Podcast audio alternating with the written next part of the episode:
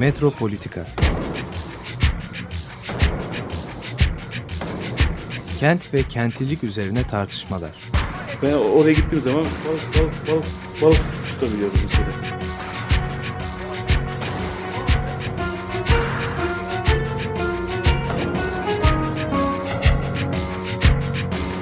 Hazırlayıp sunanlar Aysin Türkmen, Korhan Gümüş ve Murat Güvenç. Takusuyor yani. Kolay kolay boşaltamadılar. Yani elektrikçiler terk etmedi Perşembe Pazarı. Merhabalar değerli Açık Radyo dinleyicileri. Metropolitika programı başlamış bulunuyor. Ee, karşımda sevgili Murat Güvenç, ben Korhan Gümüş. Bugün e, şehrin çok önemli, gündemindeki çok önemli bir e, konuyu işleyeceğiz. Şehrin tam tarihsel merkezinde Sirkeci ve Haydarpaşa garlarının yani şehri iki ayrı e, kıtaya bağlayan diyelim simge yapıların etrafındaki muazzam depolama alanlarının ya adeta şehrin çekirdeğindeki en değerli alanın e, kiralanması, ihale yöntemiyle kiralanması meselesini konuşacağız ve burada İstanbul Büyükşehir Belediyesi'nin itirazını da İmamoğlu'nun gerçekleştirmiş olduğu itirazı da konuşacağız. Bu çok e, önemli bir konu şehrin aslında geleceği açısından. Şu anda da bugün e, İstanbul'un stratejik planlarıyla ilgili bir toplantı var. Tam da işte konuşulması gereken konulardan biri bu.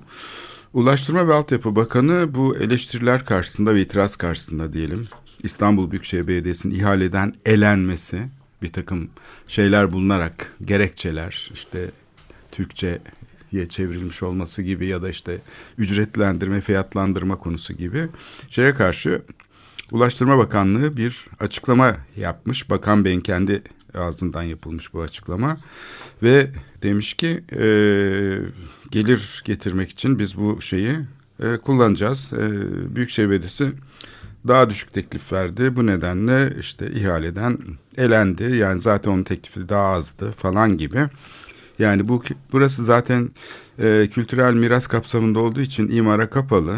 Dolayısıyla e, bakanlık rekabet koşullarına uygun davrandı. En yüksek teklifi verene verdi demiş. Yani şimdi bakanlığın perspektifi yani son derece dar bir kamu perspektifi ben buradan nasıl gelir elde ederim diyor. Oysa ki kentin perspektifi açısından bakıldığında buranın nasıl kullanılacağını, nasıl nelerin amaçlandığını, hedeflerin neler olduğunu konuşmak gerekiyor. İşte bugün de tam stratejik plan toplantısında bu bunu da ilgilendiriyor diye düşünüyorum ben. Çünkü e, bunlar belirlenmeden kent e, topraklarının nasıl kullanacağına dair tek belirleyici şeyin e, ihale olabileceğini düşünmüyorum.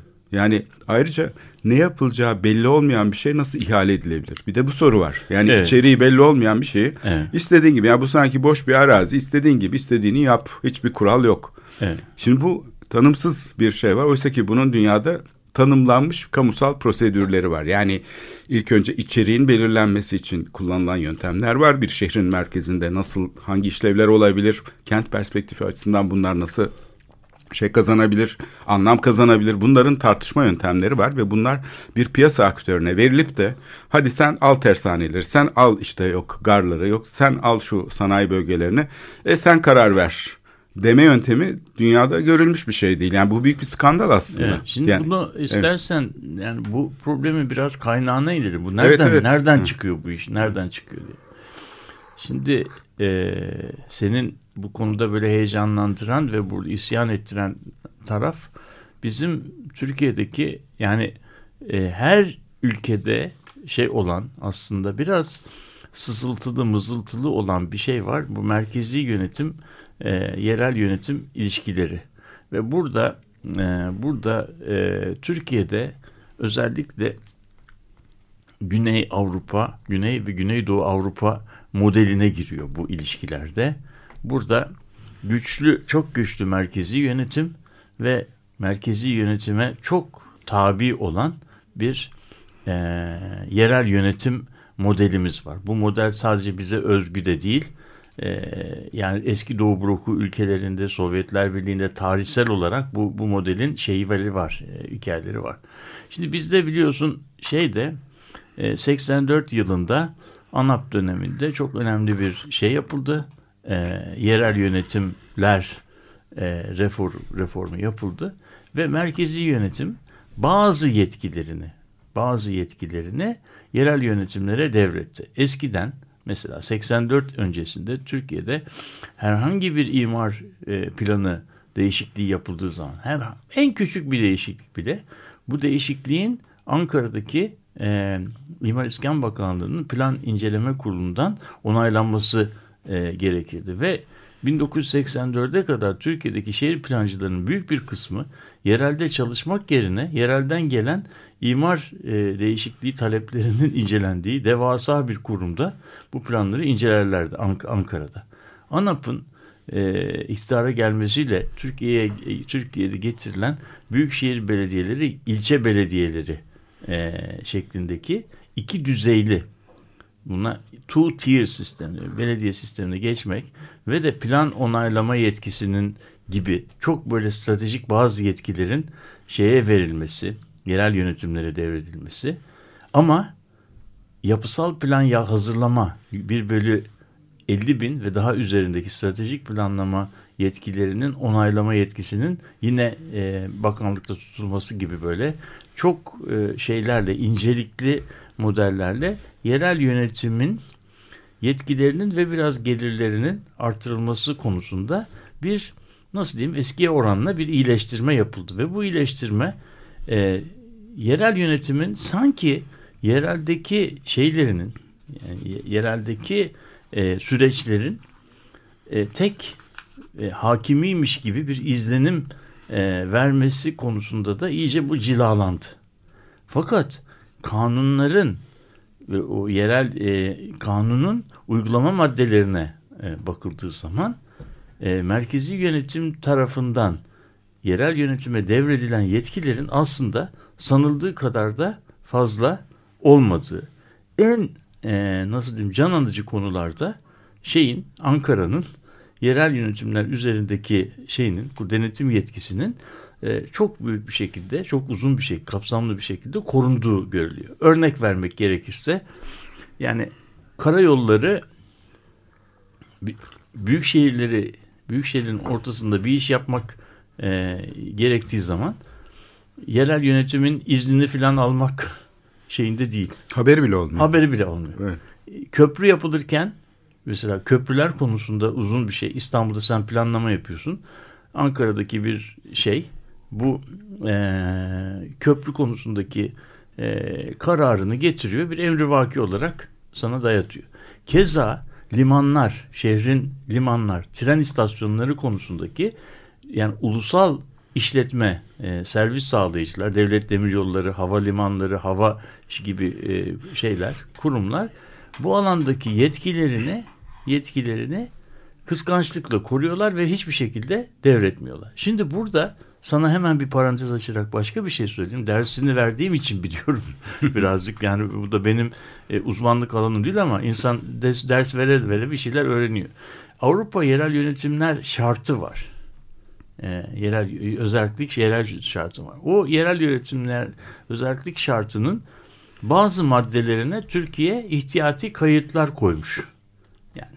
Evet. Bu ihtiyati kayıtlar koyduklarının başında da şöyle bir madde var e, Avrupa Yerel Yönetimler e, şartında. Bak şu kadar gevşek bir ifadeye bile Türkiye'deki merkezi yönetim itiraz etmiş o dönemde. İtiraz ettikleri madde şu. Diyor ki merkezi yönetim ki bu Türkiye için yazılmış bir madde değil. Bütün yerel yönetimler için. Merkezi yönetim yerel yönetimleri e, ilgilendiren bir konuda bir karar aldığı zaman bu kararı yerel yönetimlere bildirir ve görüşünü alır. Onayını değil. Görüşünü, görüşünü alır. Bunu bile kabul bunu, etmiyor. Bunu kabul etmiyor. Bu yani, çok yani, enteresan bir şey. Yani. Bu, bu, bu üzerinde durulması gereken. Şey. Kesinlikle. Şey. Ha, bu, bu bizim ihtiyati kayıt koyduğumuz maddelerden bir tanesi. Yani görüş almak. Yani yerel yönetimlerle Hı. bilgi vermek, onlarla e, konuşmak. Hangi parti olursa olsun. Yani bu şimdi A partisi, B partisi diye düşünmüyorum. Yani iktidarda olan bir şey. Merkezi yönetim A partisinden olabilir. Yerel yönetim de A partisinden olabilir. Merkezi yönetim bir iş yaparken bunu yerel yönetime bildirir, onun görüşünü alır. Ya bunu böyle yapmayalım. Bu maddeye Türkiye e, bu bizim işimize yaramaz. Bu bize sonradan şey ayak bağı olur bu madde diyerek ihtiyati kayıt koyuyor. Yani ben bunu uygulamayacağım diyor. Şimdi buradan hemen e, meseleye geldiğimiz zaman demir yolları gibi işte limanlar gibi, havalimanları gibi şehrin ortasındaki büyük turizm açısından 5 yıldızlı otel yapılabilecek Turizm Bakanlığı'nın kontrolündeki turistik e, tesisler gibi yerlerde aslında belediyelerin bir icra yetkisi, karar yetkileri de yok. Şimdi bu durumda bu durumda bir şey düşün. Ee, bu durumda İstanbul Belediyesi aslında şehri şekillendiren en önemli e, arazi kullanımları üzerinde yetki sahibi değil. Yani bugünün dünyasında bir ki biz bir artık akımlar mekanında yaşadığımız söyleniyor. Ankara'dan İstanbul'a gelecek e, şeyin tren hatlarının ki şehrin bunlar artık e, kalbi dolaşım sisteminin en önemli jeneratörleri haline geliyor. Bunlar nerede nasıl olacak şehir yapısıyla nasıl entegre olacak bu konuda e, Ankara hiçbir şeyi yerel bilgiyi dinlemek, duymak, tartışmak, müzakere etmek zorunda değil. Keza hava meydanlarında da böyle, limanlarda da böyle. Şeyde ve şimdi bu o zaman belediyeler bunlardan arta kalan alanlarda e, şey yapan, e, faaliyet gösteren kurumlara dönüşüyor. Ve bu tabii belediyenin etkinliğini son derece e, şey yapıyor. Şimdi bu durumda belediye e, tersinden şey yaparken, tersinden e, e, düşünürsek bu son olayımızda konuları kentselleştirmek ya da konuları kent ölçeğinde yeniden anlamlandırmak diyebiliriz. Şimdi bu Belediyenin bu işlevine ki çünkü belediye yapısı da bürokratik yapısı da aslında mesela İstanbul'un çevre planları hazırlanırken oturup kendi içine kapanan evet. planı kendi kendine hazırlayan bir birim gibi oluyor. Yani gene, belediye evet, de yine de şey. yine de yani yine de belediyenin bile belediyenin bunu yapması Ankara'da evet. İstanbul'u bilmeyen bir adamın çizmesinden yine Çok de biraz iyi. biraz biraz daha iyi. Tabii. Ama tabii bunun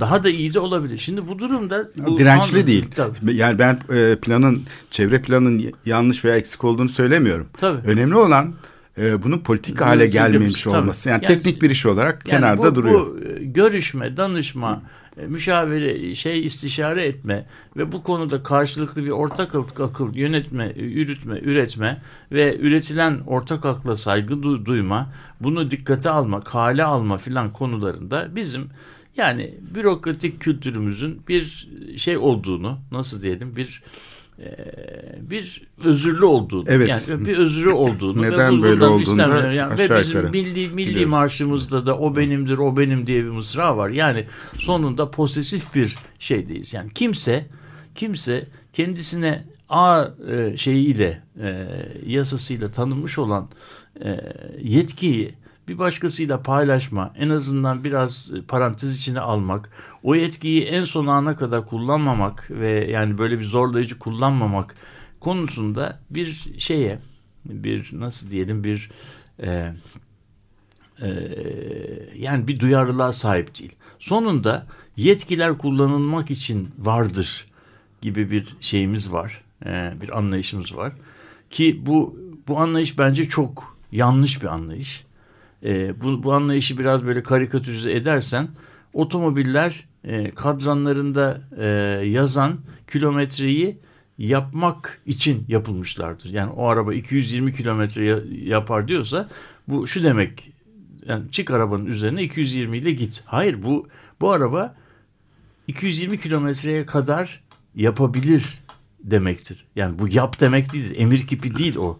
Şimdi burada bu yetkinin tanınmış olması e, şu anlama geliyor. O yetkiyi bir kamu yöneticisi kullandığı zaman aslında yetkisini aşmış olmuyor. Kendisine vermiş olan yetkiyi kullan. Yani yasal olarak tamamen böyle sağlam bir pozisyonda. Ye, bana bu yetki verilmiş mi verilmiş. Ben de bunu kullanırım diyor. E o zaman ben bunu kullanırım diyorsa ben bunu kullanırım diyorsa o zaman bununla bir müzakere e, yapmak, konuşmak, tartışmak, bir ortak akıl üretmek imkanı yok. Bu son olayımızda da sen girişte söyledin ben de biraz uzattım.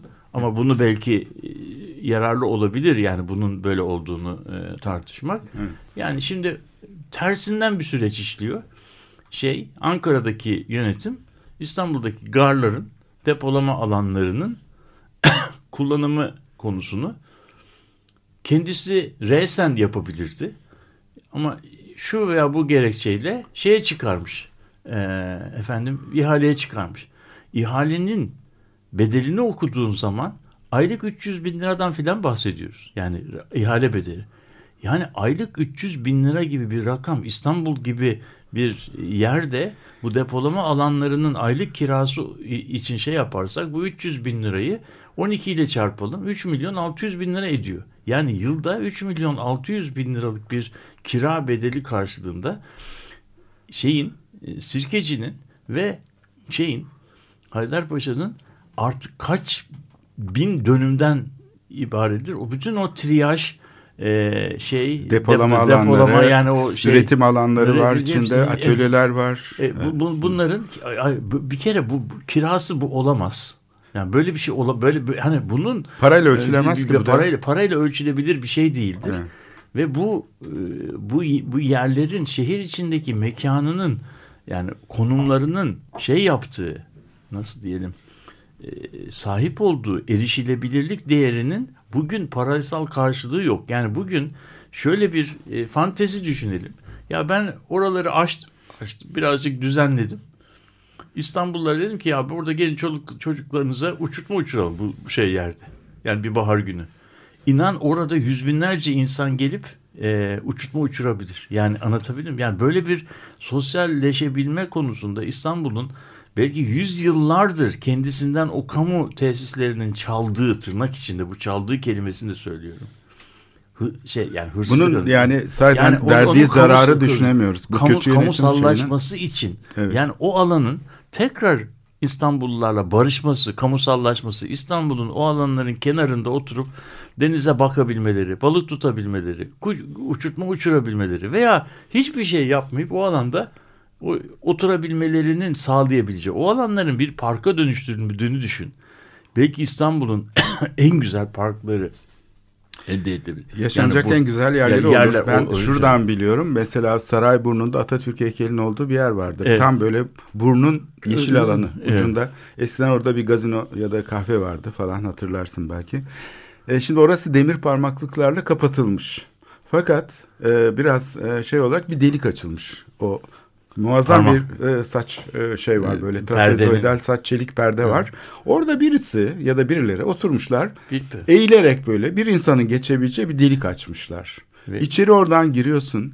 İçerisi bir cennet. İstanbul'un en güzel yeri. Manzarası. Ayaklar altında her yer. Niye? Ve bu mesela biz bunu burayı, niye seyredemeyiz? Burayı yıllardır kapalı tutuyor şimdi kamu. Evet. Tamam Yıllardır ama bu benim bildiğim bile kapalı. Yani 10 senedir ya da şu yani Marmaray evet. projesi ortaya çıktığından beri bu alan kapatılmış durumda. E, Halka kapalı, ve küçücük bir delik ya bırakalım kamunun orayı kullanımını teşvik etmesi orada bir takım faaliyetler falan yapılmasını teşvik etmesin hani Venedik'te falan hmm. Arsenal'in kullanımı gibi hani düşünebiliriz. Hani kirayla verse e, Venedik'te mesela Arsenal e, bölgesini e, belediye ne olur? E, Venedik şehri çöker anında çöker. Çünkü sadece ticari bir alan haline gelir. Ne, ne yapar? Canlandırmaya çalışır. Orada bırak kamu böyle bir şey yapmayı bir de engellemek için çelik perdeler koymuş. Ve orada bir buçuk metreye böyle 50 santimlik bir delik açmış Fare vatandaşlar. Yani. Ve oradan geçerek binlerce insan her gün orada balık tutuyor, top oynuyor, uçurtma uçuruyor. Orada birdenbire İstanbul'un bir, bir kamusal, bağısı, kamusal. kamusal alanı oluşmuş. Bu da yani engellere rağmen oluşmuş. Şimdi buradaki işte dediğin şey var ya barışma meselesi. Yani yönetim fikriyle bu dönüştürücü bu şey zekası, kamu zekası, merkezci kamu zekası. Belediye de ne yazık ki aslında bunu sökme tekniklerini kullanabilir kamuya açarak, katılımı açarak. Tam tersine belediyeler de aynı şeyin içinde bir bölüm olarak kendi rantını kolluyor diyelim. Kendi şeyini, perspektifini temsil ediyor gibi oluyor. Yani zaman bu, zaman bu, bu şeyde, o yüzden sistem ha, değişmiyor. Ha, Ama ilk defa bu, işte bir kriz çıktı karşımıza. Burada küçük bir belki parantez şeyle ilgili de açmak lazım. Çünkü bu projenin ebeliyatı dedin ya. Şimdi Marmaray projesi aslında günümüzdeki şeyden bakarsan şehrin metro sisteminin, toplu taşıma sisteminin omurgasını oluşturan bir sistem olarak görülmeli. Oysa ki Marmaray'ın ilk tasarlandığı tarihler ki 80'ler öncesine gidiyor. Yani Marmaray projesinin yapıldığı tarih 76'lar. Bunu da nereden biliyoruz? 96-97 yılında köprü. Köprü 3. köprüye itiraz ettiğimizde biz Büyükşehir Belediyesi bizim bizi destekledi. Hatta Büyükşehir Belediyesi'nin meclis salonlarını e, bize vermişti yani sivil toplum kuruluşlarına. Ve orada tartışılıyordu üçüncü köprü meselesi. Ve Yaşar Topçu'ydu o zaman e, Bayındırlık Bakanı. O yapacağım köprüyü diyor işte Kandili ile Arnavutköy arasındaki şey e, bu e, köprü. Ve biz de gidip mahallelerdeki insanlarla toplantılar yaptık. Bakın böyle bir proje var deyip filmler hazırladık. Filmleri gösterdik falan. Halk böyle buna karşı tepki gösterdi. O sırada Büyükşehir Belediyesi de e, belki hükümetle de anlaşmazlığında bir şey olarak bu sivil toplum hareketini destekledi. Bu habitat sonrası olduğu için güçlü bir sivil toplum şeyi vardı, katılımı vardı. Ve e, o toplantıda bir gün Ulaştırma Bakanı randevu istedi. O toplantılarından birini. Kendisi gelmedi, müsteşarını gönderdi ve bize Marmaray projesini hiç o zamana kadar duymamıştık. Dedi ki biz dedi 20-30 senedir yani birinci köprü yapıldığından beri onlar karayoluyla geçti Boğaz'ı. Biz de acaba demir yoluyla nasıl geçeriz diye düşündük ve bu geçmişten beri gelen bir projedir. Köprü fikrine daima alternatiftir. Eğer siz raylı sistemi desteklerseniz yani Marmara'yı desteklerseniz o zaman ismi daha henüz Marmaray diye telaffuz edilmiyordu. Ee, böylece köprüyü engellemiş olursunuz dedi. Bize işbirliği teklif etti. Bunu kayda geçmesi için söylemek lazım. Fakat orada şöyle bir şey yapıldı. Gene bu perspektif senin söylediğin anlamda kentselleştirilmemiş olduğu için sadece bir bakanlığın Ankara'daki şeyiyle gelişmiş bir dinamik olduğu için aslında öngörülemedi. Yani bu pekala bir metro sistemin omurgası olarak daha farklı bir hattan ki E5 hattıyla Kağıthane arasında olabilirdi mesela. Hiç tarihi yarımadaya bulaşmadan ve o eski endüstriyel ulaşım hattı da modernleştirilerek 10 senedir gayet güzel hizmet veriyor olabilirdi. O zaman Haydarpaşa Garı da kültürel kullanımlarda buna katılabilirdi falan. Sirkeci'de eski şeylerini koruyabilir ve ona göre yeniden dönüşebilirlerdi. Yani bu Marmaray projesinin Ankara'dan tasarlanmasını raylı sistem diye birçok sivil toplum kuruluşu kabul etti. O zaman rahmetli Turgut Cansever'i hatırlıyorum ki radyoda da konuk etmiştik. O bir tek itiraz ediyordu. Diyordu ki tarih yarımadan geçmemeli Marmaray. Marmaray çünkü sonuçta bugün de görüyoruz bir metrobüs gibi çalışan bir sistem. Yani bunu e, eski işte şeyin hani Orient Express'in ta Paris'ten kalkacak kaleden kalkacak da e, Londra yolcularını alıp e, şeye kadar gidecek Bağdat'a kadar gidecek böyle bir şey yok. Buna da gerek yok. O ulaşım hattı aslında pekala iyi tasarlanmış. işte güzel köprüleriyle, istasyonlarıyla değil mi? Şimdi bugün Göztepe istasyonu yok. Erenköy istasyonu yok. Yani biz aslında oradan bir otoyol geçirdik. Evet. Farkında olmadan. Raylı sistem yola rakiptir dedik ama aslında gene bir otoyolu sahilden geçirdik ve bunun tabii taşıma maliyetlerini arttırdığı da çok açık. Çünkü tek yönden yolcu alıyor. Yani e, bir balığın omurgası gibi yani ortadan yolcu toplayacağına bu ana ulaşım arteri e, gidip kıyıda yapıldı. Şimdi bu da kentselleştirilmemiş şey. Bugünkü Haydarpaşa sorunu aslında Sirkeci sorunu.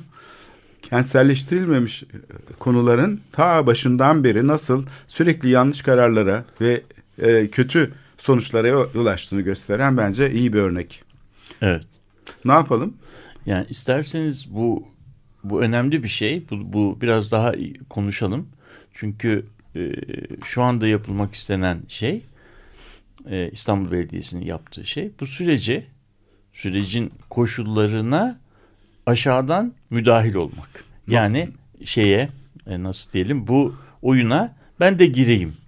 Ben de oynayayım. İhaleye ben de gireyim. Ben, ben de katılayım. Evet. Şimdi burada da yapılan şey işte senin söylediğin gibi e, müteselsilen kelimesinin yerine e, bunun e, efendim e, öz Türkçesi kullan, kullanıldı ve bu hukuk deyimi değil filan gibi böyle gerekçelerle e, şeyden e, idari gerekçelerle belediyeyi bu işten bir aktör olarak e, şey yapmak. Yani bu bu da artık yani biz bu bu yaklaşımın kendisinin sorunlu olduğunu demin konuşmuştuk. Şimdi bu sorunlu olan yaklaşımın kendisine tanımlanan çerçevede katılımların da e, engellendiğini görüyoruz ki burada İstanbul Belediyesi yegane katılımcı olmayabilir. Başkaları da katılabilirdi. Çünkü bu ihale bir kişiyle iki kişiyle yapılacak bir şeydi. 20 tane şirket de buna e, Hayır, katılım. Şey katılım. dedin ya bakanlık mesela yetkisini kullanıyor. Yetkisini şu yönde kullanabilirdi. Belediyelere Avrupa'da olduğu gibi çok katmanlı bütçe yönetimi için örnek teş yapacaksın derdi e, ve karma bütçe kullanan misyon odaklı bir yapı kurun ve bu dönüşümü gelin birlikte yapalım yani diyebilirdi. Bu çünkü, bu çünkü Türkiye'nin Türkiye'nin yani. yani burada konuştuğumuz yer evet. yani İstanbul'un inan e, uluslararası imajını ve kentsel yaşam kalitesini değiştirebilme potansiyeline sahip olan bir alan, alandan bahsediyoruz. Alanın büyüklüğü e, tek başına önemli değil. Büyük alanlar var ama alanın erişilebilirliği çok yüksek. Yani burada konuştuğumuz alanlar işte e, bugün e, şeyle doğrudan ilişkili, e, Marmara ile doğrudan ilişkili yerler. Hem Sirkeci hem Haydarpaşa. Yani ayrılık çeşmesinden oraya gelmek nedir? İki, iki adım yol. E, metrolarla bağlantılı ve bu buralar eğer iyi düzenlenirse ticari faaliyet olmaması da çok iyi bir şey. Çünkü o zaman ticari land use'un olmadığı bir yeri biz İstanbul'u dünya çapında parklar, bahçeler, şeyler, e, kültürel, e, kültürel, kültürel evet. performans yerleri evet. kazandırabiliriz. Yani Uluslararası bu, bu, bir platform gibi şehir. Bu, bu ticari amaçla kullanılmaması aslında şöyle bir şey de var. Bununla ilgili olarak bir vakıf kurulduğunu düşün. Yani buraları işletmek için. Vakıf tanım gereği şey yapamayacağı için, kar amacı güdemeyeceği için e, o yüzden ticari bir faaliyet olarak görülemez. Bir vakıf buraları sanat, kültür, işte bilim e, amaçlarıyla da e, işletebilir. Yani ticari amaç kullanılmaması burada gazoz da içemeyeceğin anlamına da gelmez. Peki bu ihaleyle olur mu? Ee, yani şimdi yani şey ihale olur, yani parayla şey, ölçen bir şey. Tamam tamam. Şimdi bak. Ya parayla şu, ölçülebilir mi kültür? Hayır bu tabii evet. bak bu şu şöyle bir şey. Bu eğer bir hani bir e, işletmede bir business plan diye bir şey var ya. Bu business planın bir karşılığını düşünelim. Yerel yönetimde buna biz ona alan yönetimi diyebiliriz. Yani çok katmanlı etkileşimli bir şey Çok öncelikli bir konu. Evet. Bir şey. evet. Ve burada burada yani bu alanların değerlendirilmesinde hani ara şeyin ben şeyi işaret etmek istiyorum. E, ticari amaçlı e, kullanıma kapalı olması. Yani burada e, bir gazoz bile içeceğin bir şeyin yapılamayacağı anlamına gelmez. Bu tür faaliyetler vakıf e, gibi bir faaliyet üzerinde konuşulabilir. Yani mesela bir müze düşün. Müzenin bir e, müzenin içindeki bir kahvede bir şey de içebilirsin. Yani amacımız insanlara burada bir şey sağlamak, bir e, nasıl diyelim bir hizmet sağlamak ise bunu yapacak bin tane e, çözüm var. Ama amaç o değil.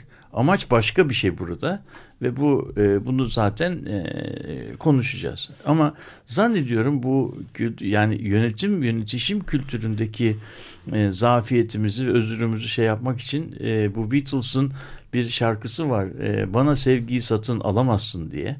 E, onu dinleyelim. Can't buy me love.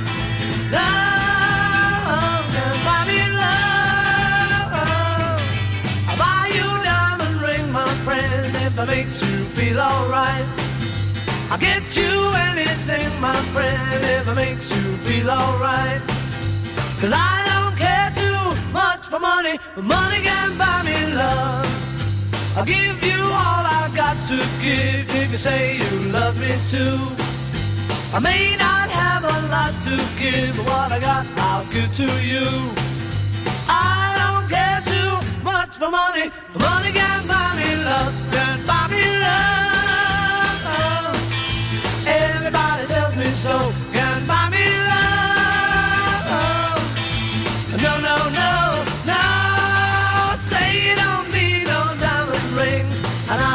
Satisfied. Tell me that you want the kind of things the money just can't buy. I don't care too much for money. Money can buy me love.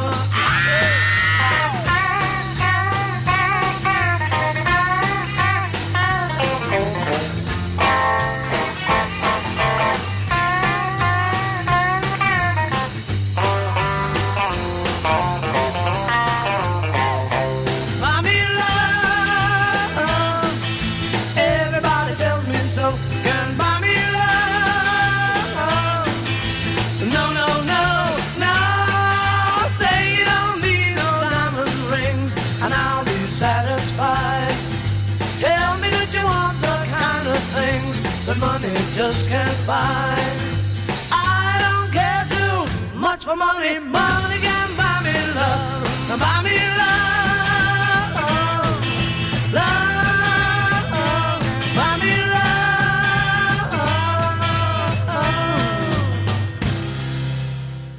Evet, Metropolitika devam ediyor. Ee, Beatles'tan bir parça dinledik. Konumuzla da ilgiliydi değil mi biraz? Can't Buy Me Love, evet. Yani parayla e, olur mu bu iş? Şimdi sahiden e, bu mesele yani hep kapitalizm böyle işte rekabet ortamı falan deniyor ya serbest rekabet işte güya ihale bunun bir aracı işte en yüksek teklif verene veriliyor falan. Bunlar hepsi palavra. Yani burada bir kere kapitalizmin yani bu şeyi ütopyası yani bu liberal e, şey burada çalışmıyor. Çünkü kamu alanında şey ortaya çıkmadan amaçlar, hedefler, tanımlar bir şey nasıl ihale edilebilir? Yani politikası oluşmadan, fikir oluşmadan bu kapitalizmin bildiğimiz ihale mekanizmaları içinde gerçekleşemez. Çünkü bir şey ihale edebilmen için tam onun karşılığını şey yapabilmen ve rekabeti açabilmen gerekir. Yani şu kadar beton satın alacaksın. Bu kadar ahşap. Bunun cinsini, şeyini tarif etmen gerekir. Bunun içinde projesi olması gerekir. Şimdi burada bir yönetim planı yok. Şehir açısından kentselleştirilmiş bir perspektife taşınmış değil. Yani burada merkezi yönetim evet yetki sahibi ve bence kullanmalı da yetkisini.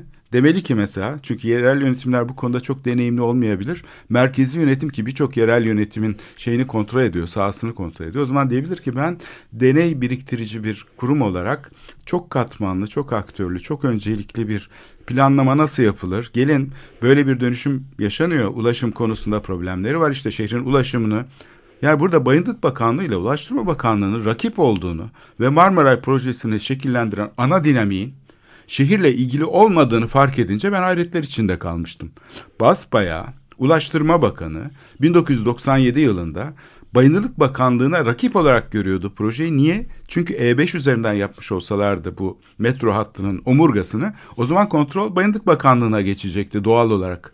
Sırf kendi kontrolünde olması için kıyı hattındaki eski endüstriyel alanı, endüstri mirası alanı tarumar etti Marmara. Yani bu büyük bir aslında şeydir, e, zafiyettir, büyük bir e, tuhaflıktır. Çünkü İstanbul gibi kültür mirası olan bir şehrin tam merkezini bağlamışsın endüstriyel bir ulaşım hattıyla.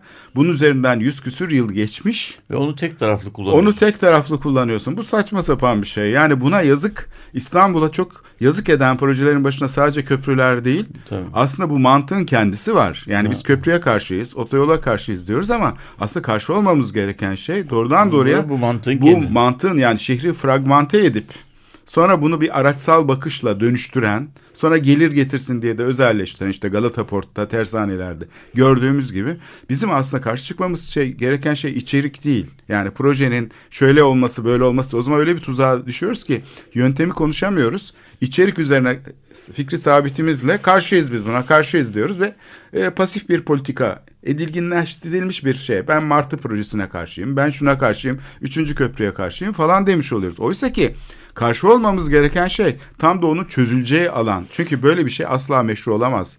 Kentselleştirilmemiş bir politikanın şehre yarat, şehirde yarattığı tahribat muazzam. Yani şehir bir de kaç, tahribat, kaybedilen şeyin ta, haddi hesabı evet, yok.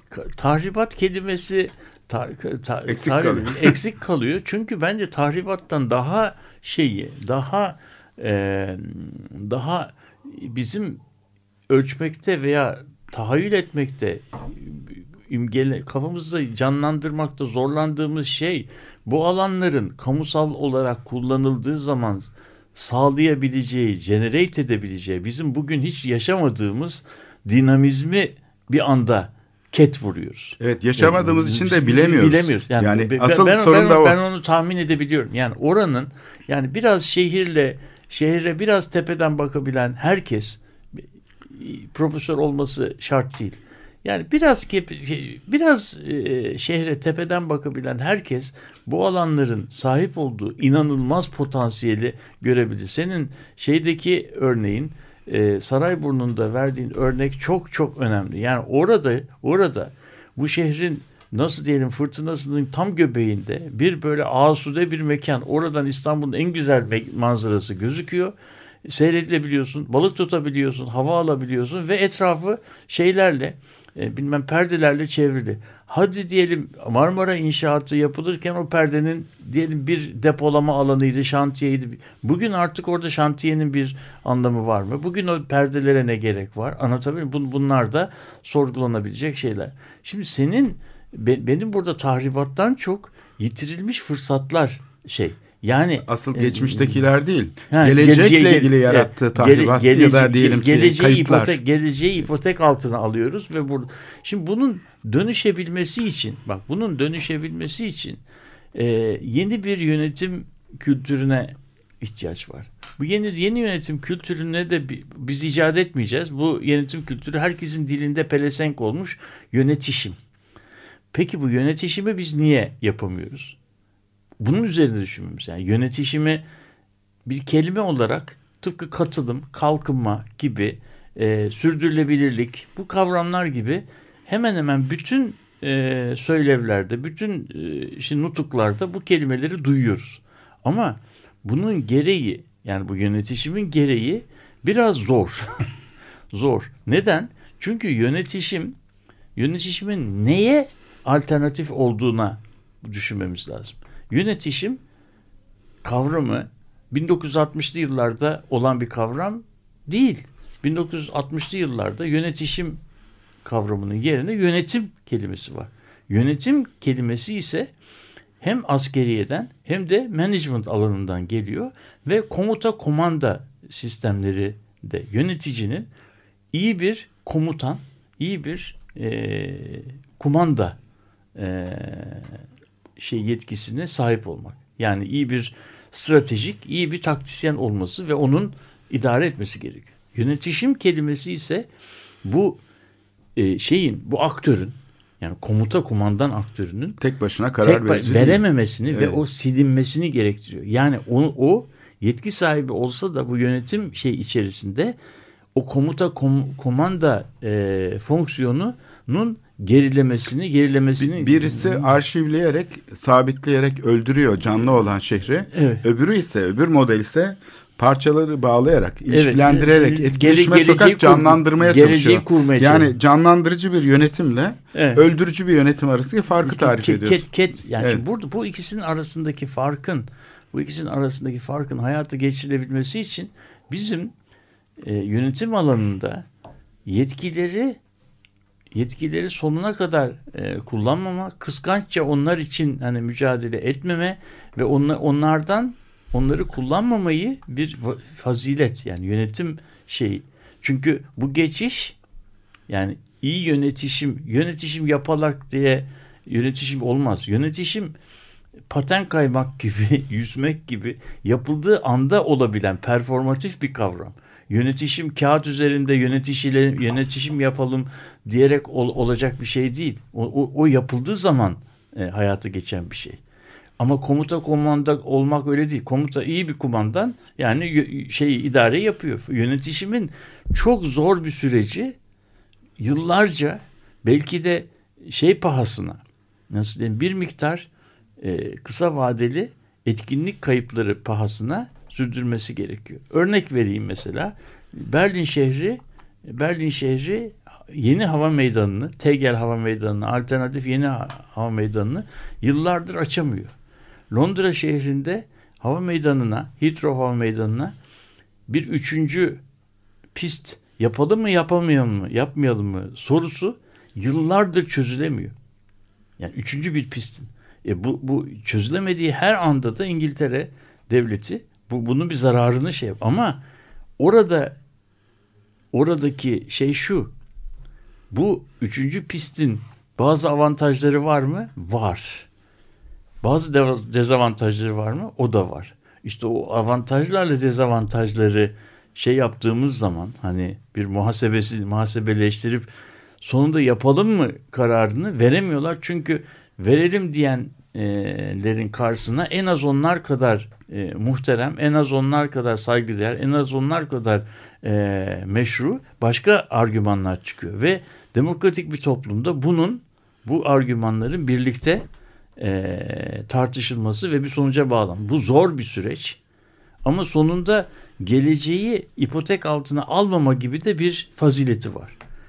Ee, Evet, yani bu müşterek fazi- biz bu- alanları- biz, yani biz bunu biz bunu biz böyle bir toplumda mı yaşamak istiyoruz? Yoksa hasbelkader e, bir biçimde e, yüzde elli artı bir yetki verdiğimiz bir insanın e, şeydi belirlediği yasal yetkiye biz teslim mi olacağız? Yani burada hiçbir şeyimiz olmayacak mı? Bu işte bizim yönetim alanımızda herhalde önümüzdeki dönemin en içerikli sorusu.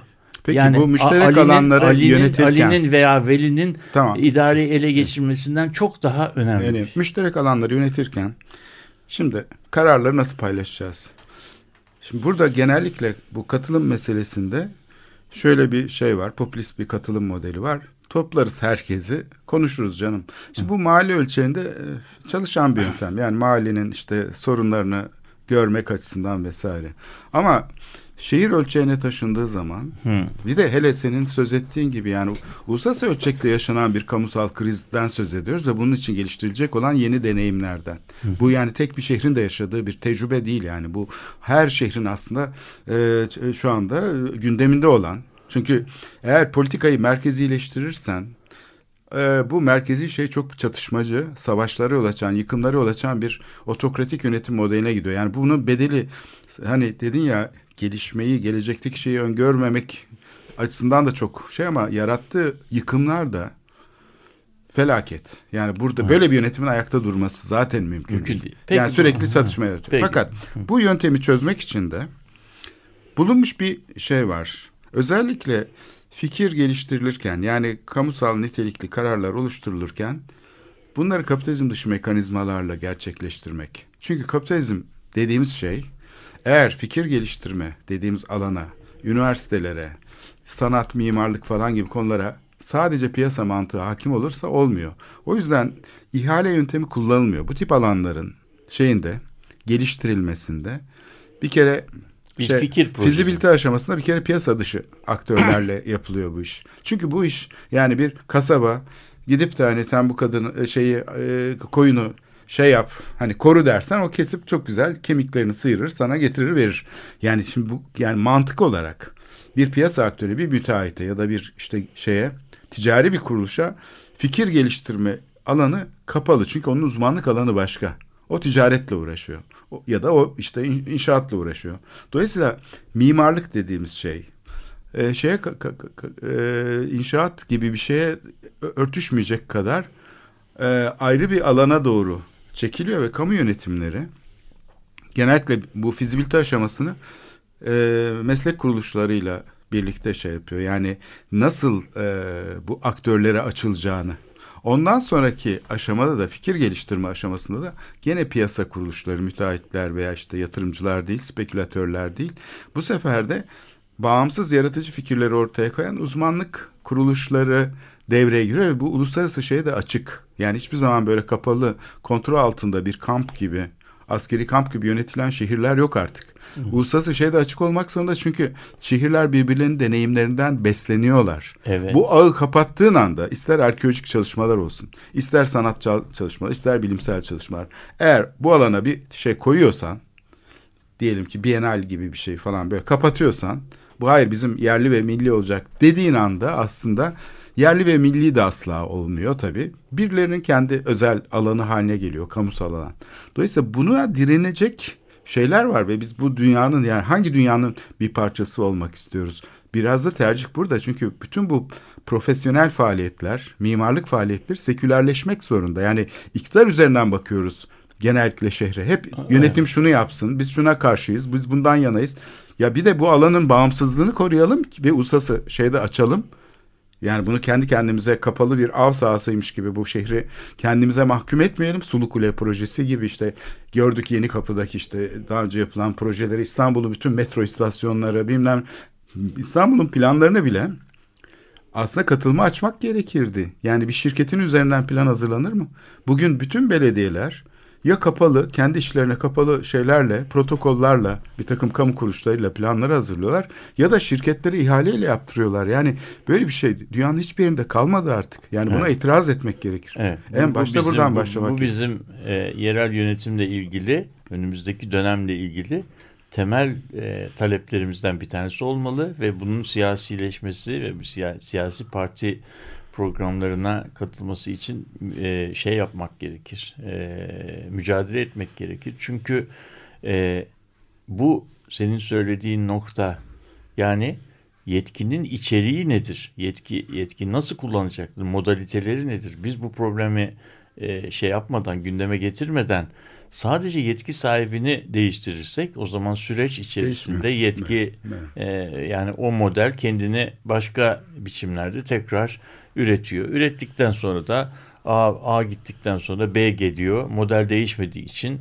bu sefer B kendi modelini e, oraya e, tasarlıyor. Yani bunun e, bunun içerisinde bu şeyle senin güzel demin söylediğin ikili yani fikir üretme, karar süreçleri ile gerçekleştirme süreçlerini, realizasyon süreçlerini birbirlerinden görece özelleştirmeden, yani ayırmadan ondan sonra inşaatı yapacak müteahhide e, şeyi e, aynı zamanda içeriği de tasarlama e, görevini verirsen müteahhit de bunu yani İstediği kendi, gibi yapar. hayır yani kendi kendi işinin kenarına eklenen küçük bir şey e, ek. Danışmanlık Erdoğan. hizmeti. Danışmanlık Surların hizmeti. restorasyonunda evet, böyleydi mesela İstanbul'un yani dünyanın eşsiz sur varlığına sahip olan İstanbul'un dünyada başka eşi yok kentsel sur varlığı olarak bugüne kadar yaptığı bütün restorasyon çalışmalarında danışmanlık olarak yanına eklenen bir şeydi. Yani du duvarı yapana e, evet, şey, duvar restorasyonu yani şöyle değil de böyle yap falan diye. Gibi.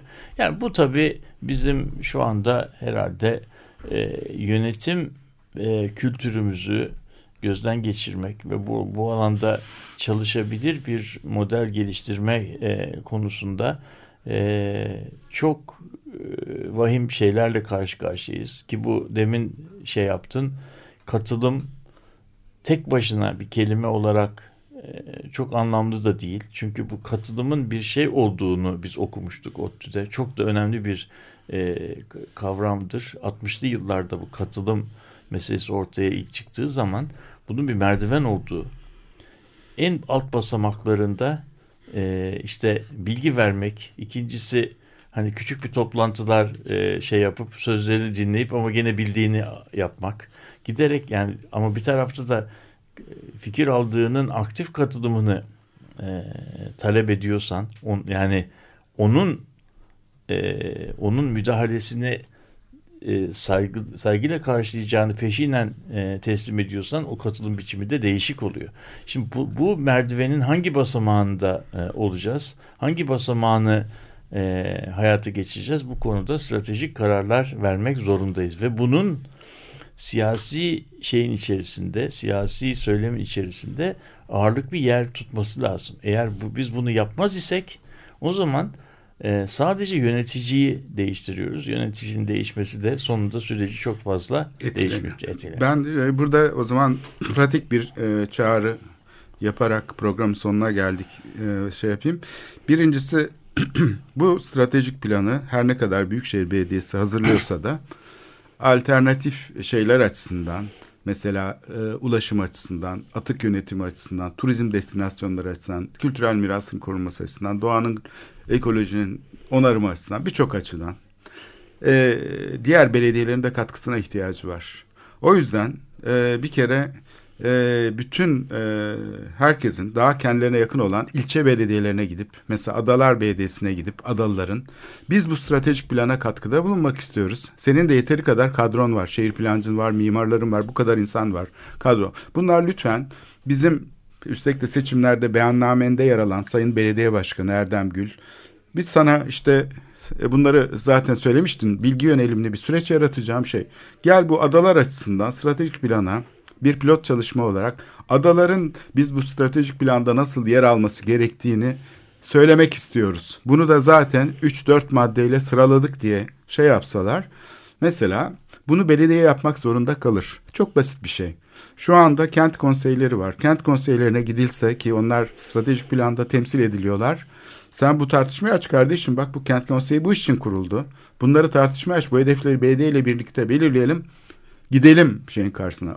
Daha makro ölçekte de İstanbul'un kent konseyi var. Onun başkanlığına da bir mimar seçildi Tülin Hadi. Tam da bu konuştuğumuz mesleki alanın sekülerleşmesi yani iktidar aparatının dışında bir kapasite oluşturabilmesi meselesi şehir için yaşamsal önemde. Tülin Hadi'ye de başarılar dileyelim evet. bu yeni görevinde ve bu konuyu önemsemesini gündemine almasını kendisinden dileyerek istersen programa son evet, verelim. Hiçbir şey için çok genç geç değil. Çünkü bu plan hazırlandıktan sonra her yıl bunu bir review aşaması var, gözden geçirme. O zaman bu önümüzdeki dönemi yeni e, alternatifler e, üretmek için kullanabiliriz. Evet, e, destekçimiz Tijan Bilge'ye de çok teşekkür ediyoruz. Haftaya görüşmek, görüşmek üzere sevgili Açık Radyo dinleyicileri, hoşçakalın.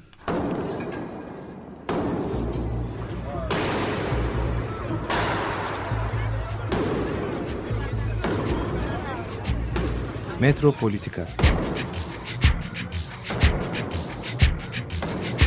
Kent ve kentlilik üzerine tartışmalar. Ben oraya gittiğim zaman balık balık balık balık tutabiliyordum mesela.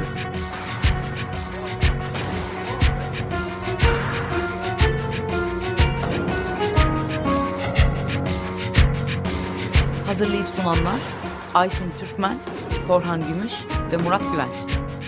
Takusu yok yani. Kolay kolay boşaltamadılar. Yani elektrikçiler terk etmedi Perşembe Pazarı merkezini. Açık Radyo program destekçisi olun.